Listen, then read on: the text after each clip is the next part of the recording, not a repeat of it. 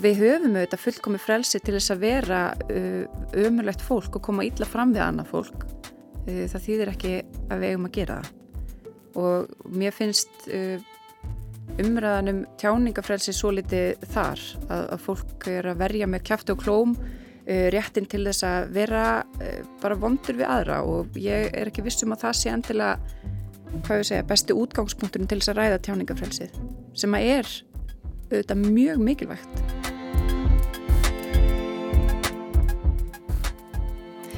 Orð hafa áhrif. Á þeim sannindum hefst grein eftir Þorbjörgu Þorvaldsdóttur, málfræðing og verkefnastjóra hjá samtökunum 78 sem byrtist af vefvísis í júni 2023. Og orðum er hægt að beita á ýmsa vegu. Stundum er sagt að tungumáli sé hægt að nota sem valdatæki. Hvað skildi vera átt við með því? Eiríkur Rökkvaldsson, professor emeritus, rætti það í pistli á vefsíðu sinni í mæ 2022 og sagði augljóst, ef umræða undanfarina áratuga er skoðuð, að tungumálið hafi verið notað til að halda fólki niðri og gera lítið úr því. Fólki sem ætti undir högg að sækja í þjóðfélaginu. En er hægt að halda því fram að með haturs orðræðu sé verið að nota tungumálið sem valdatæki. Það mætti kannski segja það með að við ákvæði hegningarlaga sem gerir háð, róburð, smánun og ógnun með ummælum eða annars konar tjáningu að refsiverðu aðtæfi.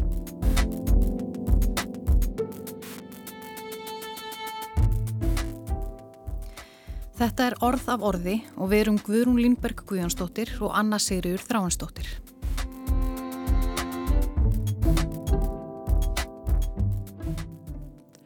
Katrín Jakobsdóttir forsættisráð þeirra mælti fyrir þingsáleiktunar tillögu í mars 2023 um aðgerða áætlun gegn hattursorðræðu fyrir árin 2023 til 2026.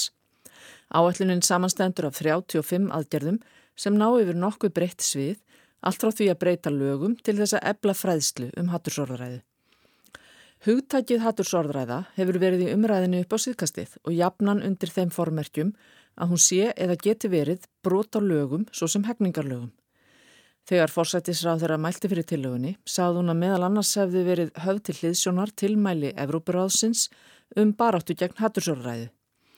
Hún tilgreindi líka könnun fjölmiðlanemdar sem síndi ótrúlega hátt hlutfall fólks kýsa að draga sig út úr umræðu á samfélagsmiðlum vegna mjög hardrar orðræðu. 200 30. og 3. grein A í almennum hegningarlögum gerir haturs orðræðu sem fyrir sagt refsiverða. Hún er svona. Hver sem ofinberlega hæði stað, róper, smánar eða ógnar manni eða hópi manna með ummælum eða annars konar tjáningu, svo sem með myndum eða táknum vegna þjóðverðnisuppruna eða þjóðlegsuppruna, litarháttar, kínþáttar, trúarbræða, föttlunar, kín einkenna, kín hneiðar eða kín vitundar, eða breyðir slíkt út skal sæta sektum eða fangelsi alltaf tveimur árum. En hvað er hatursorðræða? Og er hatursorðræða heppilegasta orðið yfir þetta hugtak? Í greinsinni sem nefnd var í upphafi þáttarins leggur Þorbjörg Þorvaldsdóttir til hugtækið hættuleg orðræða. Við fengum hann alltaf að skýra málið aðeins fyrir okkur.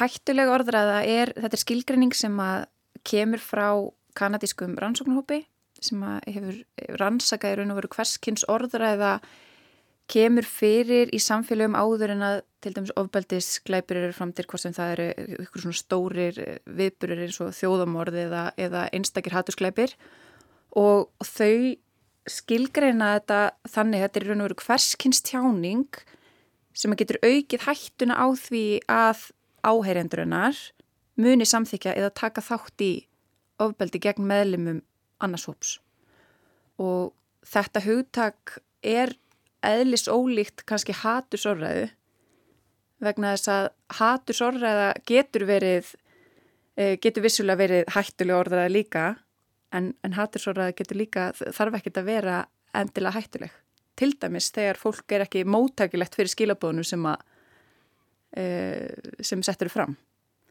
Þannig að það tekur engin marka á henni þá er hatursorrað ekkert endilega hættuleg þóttum sé vissulega refsiverð samkvæmt í íslenskum hefningalögum.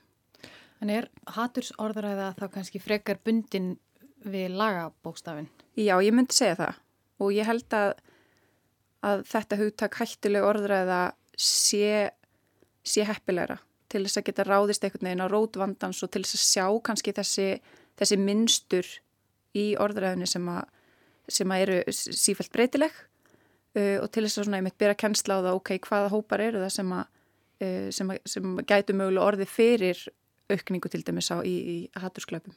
Er þá kannski hægt að segja að hattursorðræða gæti verið einhvers konar undir hugtak, undir hættilegur orðræðu, þetta skarast þetta einhvern veginn? Já, þetta skarast. Það væri hægt að setja þetta upp já. sem svona, svona vennmynd. Það sem að hattursorðræða, sumt af því sem er hættilegur orðræða er líka hattursorðræða en, en annað kannski ekki. Og það nefnilega skipti máli, það þarf bæði það sem að kalla er svona eldfim skilabóð til þess að orðræða sé hættilegur orðræða og þar getur verið undir til dæmis bara svona afmennskun, að nota Uh, gefum okkur bara nota orðið svo kakkalakkar til þess að lýsa einhverjum uh, hérna, þjóðfélagsópi eða eitthvað slíkt uh, og svo þurfum að vera, þarf að vera, sagt, þurfum að vera móttekilegir áherindur til þess að þetta sé í raun og veru, sé, sé hættulegt. Það þarf að vera eldvimskilabóð og það þurfum að vera móttekilegir áherindur fyrir þessari orðið. Kanadíski hópurinn Dangerous Speech Project eða verkefnahópur um hættulega orðræði rannsakar þetta í breyðu og almennu samhengi en ekki engöngu með tilliti til jæðar eða minnihlutahópa eins og hinsegin eða transfólks. Hann rannsakar þá orðræðu sem á sér stað í samfélögum áður en ofbeldisglæpir eru framtir. Og hópurinn bendir á þá þætti sem einnkenna þessa hættulegu orðræðu sem beint og óbeint kvetur til ofbeldis. Til dæmis getur maður alveg ímynda sér að, að það getur verið hættuleg orðræða til dæmis gagvart bladamönnum, eh, gagvart stjórnmálufólki eh, og svo framvegs og hérna, en þau, það sem að þau skoða er í raun og veru að reyka sig aftur og bakk þegar eitthvað, eitthvað, eitthvað hefur átt sér stað og þau skoða hvers konar, hvers konar orðrað hefur viðhauð í samfélaginu þar áður til þess að búa að finna, fram, finna þessi enkenni. Og þá er þá mæntalega einhver tengsl sem að þau hafa þá fundið rakið, já. milli þeirrar orðræði sem hefur verið í samfélaginu já, já. og glæpsin sem framinir. Já, þótt að tengstin sé að sjálfsögðu aldrei alveg bein. Það er hægt að líka hættulegri orðræðu við uh, það að sé verið svona að hella ólíu. Það er svona alltaf smátt og smátt verið að hella ólíu um allt samfélagið. Svo starf stundum bara einhvern einn atburð og þá kviknar í. Af því að það er búið að, í raun og veru búið að undirbúa jarðvegin. Eitt nesta. Eitt nesta, já. Er, er það þess vegna sem hættuleg orðræða er hættuleg? Já, hún er hættuleg vegna þess að hún gerir það verkum að fólk verður tilbúið til þess að annarkvort setja þögult hjá á meðan aðra eru beittir ofbeldi eða til þess að beita því sjálf. Það er það sem að gera hættulega orðræða svona hættulega. Það eru auðvitað mjög mörg dæmi úr mannkinsögni þar sem að áður en að, að ykkur e, eh, voðaverk eru framinn að þá þá byrja fólku þetta á því að tala orður til alls fyrst og það. Nú er ég í samtökunum 78 og, og við sjáum mjög mikið af því sem að þessi kanadíski rannsóknarhópur myndi kalla hættulega orðræðu í okkar garð. Ekkert allt er eitthvað sem að væri hægt að kæra fyrir hattusorðræðu. En þegar fólk til dæmis talar um að, að við séum hættulega, við séum e, hættulega börnum, að við séum e, að, við, að einhvern veginn hins einleiki dreifist um eins og krabbamein eða e, eitthvað svo leiðis e, og þetta er fólk að láta út í sér bara á, frá degi til dags að þá býr þetta til þetta býr til óta þetta gerir, gerir það verkum að fólk er kannski frekar tilbúið til að horfa framhjáði þegar síðan til dæmis eins og fólk eða transfólk sérstaklega er svo beitt misrétti eða, eða jafnvel ofbeldi. Og það er eitthvað sem við þurfum að geta tekist á við. Og, og þess vegna finnst mér mikilvægt að við þekkjum merkinn Ég heyrði þið einmitt segja í viðtali uh, á bylgjunni eða á vísi Já. í sumar einmitt að þið að það væri munur á sko því að þó, þó að við sem stöndum utan þessara hópa sem að, sem að kannski verða helst fyrir uh, hættulegri orðræðu á Íslandi verðum kannski ekki svo mikið vör við hana þá finnir þið hana alla daga Já. þið vitið að hún er að nóti Já Er það ekki einmitt eitt af því hættulega við hættulega orðræði að hún er ekki einhvern veginn svona á allra vítorði? Jú, þetta getur nefnilega verið svolítið lúmst og það eru, og við sjáum það hér á Íslandi, að það eru ákveðnir hópar sem eru kannski hvað móttækilegastir fyrir svona skilabóðum. Þetta er fólk sem, að, sem að er svona á, alveg út á jæðrinum pólitíst, oft fólk með eitthvað svona áfallasögu, fólk sem trúir á samsæriskenningar og, og oft eru þessar, veist, þessar mýtur og þessar ránkomundur um til dæmis eins og fólk að það er ekkit annað en samsæriskenningar. Þannig að þar eru við með svona móttækilega hópa uh, og, og mörg þeirra eru orðin alveg samfart til dæmis um hættuna af hins eginn fólki og, og, og það er mjög óþægilegt einhvern veginn að vita af þessum hópi en það er, það er vissulega rétt að það er ekkit allir sem að verða, verða varir við þetta vegna þess að auðvitað beinist þegar orðræðan beinist gegn okkur og þegar til dæmis samtökun 78 eða, eða aðrir e, önnur hins eginn félög eða, eða bara nabtóða fólkirinn hins eginn samfélagsins færi þetta einhvern veginn svona beint í fangið þá auðvitað tökum við eftir þessu e, líka vegna þess að áreiti er ekki bara bundið við einhver kommentarkerfi heldur, heldur nær víðar Og þið verði fyrir þessu, þið finnið fyrir þessari Já. hættulegu orðræðu bara í dagstælega. Já, fólk er horfur í augun á mér og, og segir að við séum bannaningar. Þannig að það er ekki, þetta byrjar auðvitað á einhverjum kannski svona vefmiðlum og, og öðru slíkur en það sem við erum að sjá er að þetta er farið að ná út í það sem maður geti kalla raunheima. Þar sem að, að fólk er tilbúið til að segja svona hluti upphátt og, og við manneskir og, og það þýðir að, að fólk hægt að sjá okkur sem einhvern veginn jafngild að þegna en sem betur fyrr þá, þá er þetta ennþá, ennþá lítill hópur en enga síður þá, þá er þetta alvarlegt. Já, það var nefnilega með það sem var eiginlega kannski næsta spurningin. Verði þið til dæmis í samtökunum 78 vör við að þessi hættulega orðræða sé að færast í aukana? Nú hefur það gerst í öðrum löndum Já, já, hún er, hún er að færa staukana. Hér á landi? Já. Og alveg svona beintengt þessu bakslægi sem talaði við um. Já, þetta bakslag byggir á hættilegur orðið mm. og byggir á innflutum áraður í raun. Þannig að þetta er alveg beintengt uh, og nátengt. Og það sem að mér finnst skipta máli að fólk átti sig á til dæmis þegar það segir hluti eins og notar hugtökk eins og transhugmyndafræði að þá er í raun og verið búið að taka þarna mannreitndabartu transfólks og, og lifa hann veruleika þeirra og, og einhvern veginn smætta niður í eitthvað sem, að, e, e, sem, sem er hægt að vera á móti. En svo það sé ekki raunverulegt heldur eins, tilbúið fyrirbæri. Akkurat. Mm. Og hérna, þetta er svona ein, einn ángi af afmennskunni sem, a, sem að á sér stað. En þú ert einmitt með, ég tók eftir í, í greininni sem þú skrifaðir í vísi, að það ert einmitt með uh, svona ímshugtök sem við kannski þekkjum ekki endilega eins og afmennskun Já. sem að heyrist svolítið oft stundum en hvað þýðir það?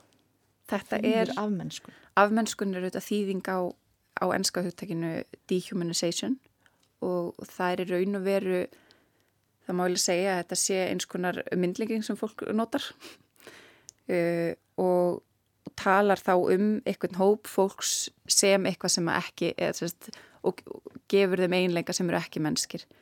Uh, til dæmis eins og ég, eins og ég nefndi áðan þessi að, að þessi, líka fólki við dýr eða krabbaminn eða vírus uh, eða eitthvað og auðvitað er þetta sérstaklega alvarlegt þegar fólki er líkt við eitthvað sem er hættulegt eða eitthvað sem er ógeðslegt. Og þetta hefur áhrif á mann. Þetta hefur áhrif á ekki bara þau sem verða fyrir þessar afmennskun heldur á alla. Vegna þess að við uh, afnæmumst, hérna er annað hugtak, uh, við verðum í raun og veru ónæm kannski fyrir því sem að, sem að verið er að segja og ég hef stundum hugsað um það ef ég geti farið einhvern veginn tíu ár aftur í tíman núna og svo upplifa alla þá þessa orðræð sem er í gangi núna og, og þetta, þetta bakslag, ég held að ég fengi áfall en af því að þetta hefur gerst hægt og rólega að þá verður maður smátt og smátt ónæmur fyrir, uh, fyrir í raun og veru hversu, hversu ljótt þetta er. Afmennskun er, er bara eitt svona aðalsmerki hættulegur orðaði mætti segja. En svo er líka, það skiptir máli hver það er sem að segja þessa hluti. Og, og það er eitthvað sem að haturs orðaða til dæmis og svo skilgrinning sem er í almennum hegningalögum einhvern veginn tekur ekkert endilega til í til. Það skiptir máli hvort að það er bara nonni út í bæ að skrifa kommentarkerfið búin að fá sér fjóra bjóra eða stjórnmálamæður í ræðupúlti á alþengi og það, þarna gerir til dæmis þessi skilgjörningum hættulega orðræðu uh, mjög skýran greinamun. Það skiptir máli hver það er sem að segja hlutina hversu mikla vikt viðkomandi hefur uh, hvort sem það er í samfélaginu í heild eða inn í ákveðin hóp. Annað hugtak sem ég langar að spyrja þig um, það er orð bara, það er lýsingur orðið venjuvætt eða venjuvæðing þá vendarlega annar orðið. Já, venjuvæðing er uh, önnur þýðing úr ennsku, þetta er hérna normalization og ég var bara mikið á móti að tala endalst um að normalisera hitta þetta, þannig að uh, venjuvæðing var fyrir valnu uh, og þetta er þá, ef við til dæmis gefum okkur að, að hættuleg orðræða sé venjuvætt þá, þá er þetta raun og veru på þetta sem ég var að tala um að, að maður verður ónæmur fyrir því að ákveðin orð heyrist. Af því að, af því að við venjumst þeim? Í raun og veru, já. já. Og þá hætta þau að býta? Þau hætta að býta já, ég mitt, eða fara að býta fastan eða býta eitthvað svona lúmskari hátt þau hætta að sjokkera eða já, þau, þá sem að þau beinast ekki gegn akkurat heldur hér og líka okkur já. sem þetta beinast gegn og það er líka, það er mjög óþægilegt að, að upplifa þá einskinni og að sjá það gerast að allt í einu eru hlutir sem að fólk hefði aldrei lift sér að segja orðnir nægilega venjuvættir til þess að að þetta, þetta er bara orðið að daglegu bröði. En þetta er þetta bara mannsheilin sem er svo klári að aðlaga sér breyttum aðstæðum. Af því ef við fengjum alltaf þessi sömu stressviðbröð þegar við, þegar við heyrðum þessa hluti þá, þá væru við endalust í stressviðbröði. Þannig að svona, svona verjum við okkur án þess að fatta það kannski. Veistu þess einhver dæmi þess að hættuleg orðræða hafi, hafi haft alvarlegar afleðingar á Íslandi? Já, við höfum séð aukningu á ofbeldi, gagvart til dæmis hins eginn fólki og það er auðvitað bara sammálflokkur sem ég þekki best og það er ágætt að, að það halda því til haga hættulega orða að getur beinst gegn uh, öðrum hópum líka og, og gerir það með, með alvarlegum afleggingum. En við höfum séð aukningu á hins eginn fólki, bæði til dæmis meðal ungmenna sem aftur eru kannski móttækileg að mörguleiti fyrir svona uh, eldfumum skilabóðum, til dæmis í gegnum samfélagsmiðla og annað. Og ofbeldi sprettur ekkit upp úr neinu tómarúmi. Það er auðvitað eitthvað svona, eitthvað samfélagsgerð en þetta endar, fólk þarf að trúa því að, að ofbeldi sér réttlætanlegt til þess að geta beitti og, og hættulega orðræða ítir undir það. Og svo bara höfum við séð auðvitað svona mikla andstöðu við hins einn fræðslu í skólum og, og fólk er með alls konar hugmyndur um hvað eigin felist í þessari fræðslu sem eru yfirleitt alltaf rángar fólk heldur að við séum með kinnfræðslu og ímislegt annað og, og þetta allt einhvern veginn svona tengist þessari, þessari hugmyndum að, að hins einn fólk sé, sé einhvers konar barnaningar í raun og um, þannig að þar sjáum við klárlega áhrifin. Það er hópur hérna úti sem bara tristir einfallega ekki hins einn fólki heldur að, að við séum í þessu af einhverjum öðrum ástæðin heldur en að, heldur en að reyna að auka vísinni og, og, og fjölbreytileika og auka bæta andlega hilsu til dæmis hins einn barna í, í skólum. Og svo að því að við erum kannski höfum aðalega einbit okkur að Íslandi og orðræðinni hér en mm. hún kemur líka utan frá hingað, ekki það, til dæmis á samfélagsmiðlum sem að börn og ungminn eru á. Jú, ég held raunar að uh, nánast öll svo orðræða sem að er orðin ríkjandi meðal á hvernig hópa hér á Íslandi í garðin sem fólk sé innflutt. Eh, þetta er auðvitað, þetta bakslag í, í réttindamálum hins einn fólks og líka hvenna er, er gengið lengra við, um heim og, og við höfum auðvitað mikil menningarleg tengsl bæði við, við eh, Breitland og Bandríkin og þaðan er e, margt að þess að koma. Þannig að fólk endur tekur eitthvað áróður þaðan og heimfærir á Íslands samfélag. Og þar eru það oft þekktir einstaklingar sem eru í framlínu hættulegu orðræðinar og áráðusins. Já, þar höfum við þetta bara mjög ábyrrandi stjórnmálfólk til dæmis eh, eða mjög ábyrrandi ritthönda og það hefur, hefur sín áhrif. En það sjáum við til dæmis í, í Breitlandi þar sem hatturskleipir gegn transfólki og raunar hins einn fólki almennt hafa aukist alveg óhugnarlega mikið á undanförnum árum.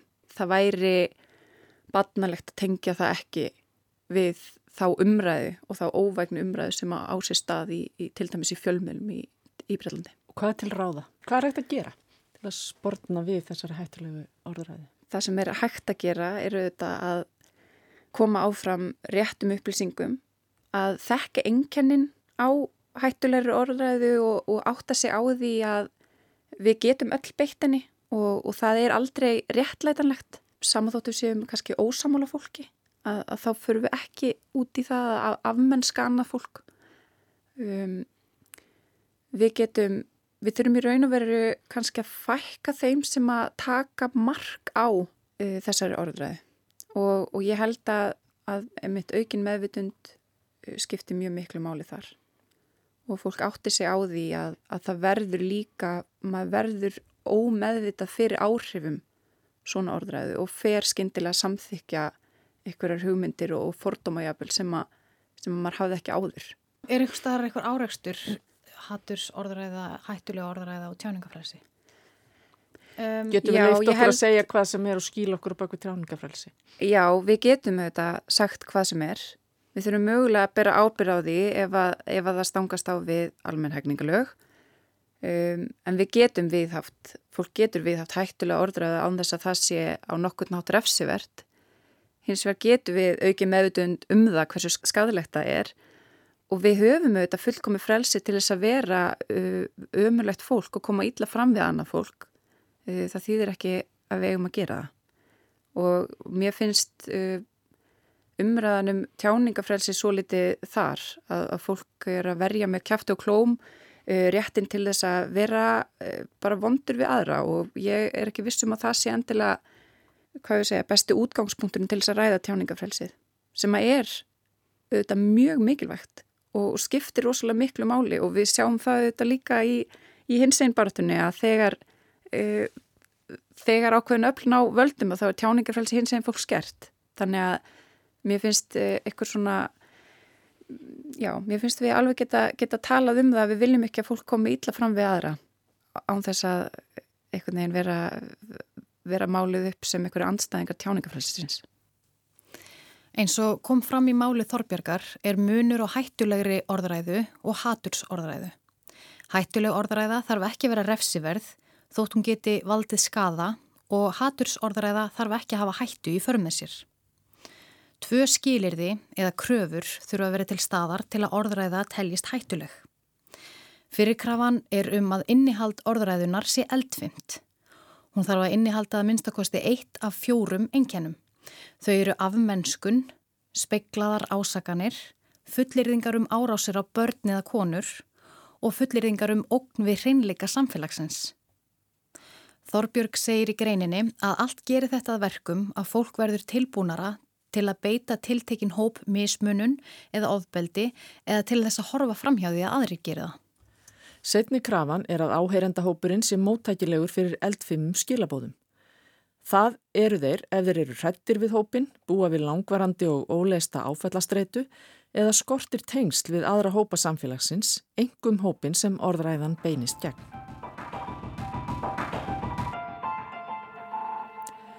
Þú varst að hlusta á orðavorði.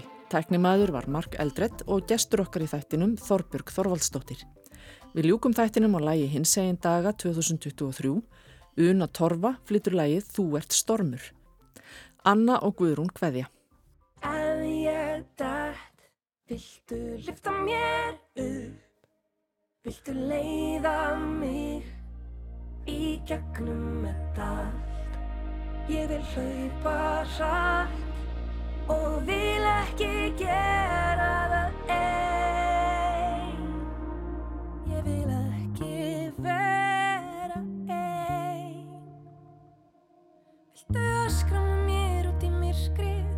Viltu dansa hér látt fram á nótt grænja svo hlátri. Enginn skilur neitt. Viltu svara mér þegar ég syngi Viltu hlusta á mig tala? Í syngi svo lengi að við sopnum og leysum ekki neitt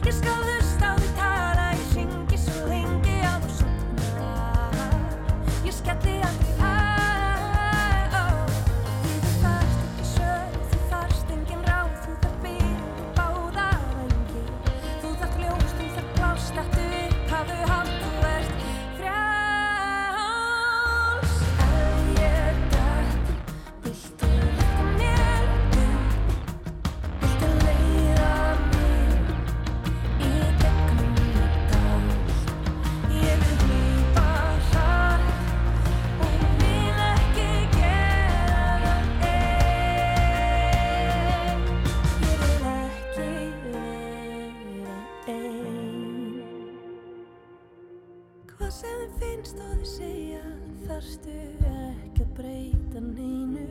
Findu stoltið, verðu þú. Það er enginn til sem veit allt betur Enginn annar sem að getur fundið þig og lyft ég upp Ef þú vilt skal ég lyfta þér Ég skal leiða þig í gegnum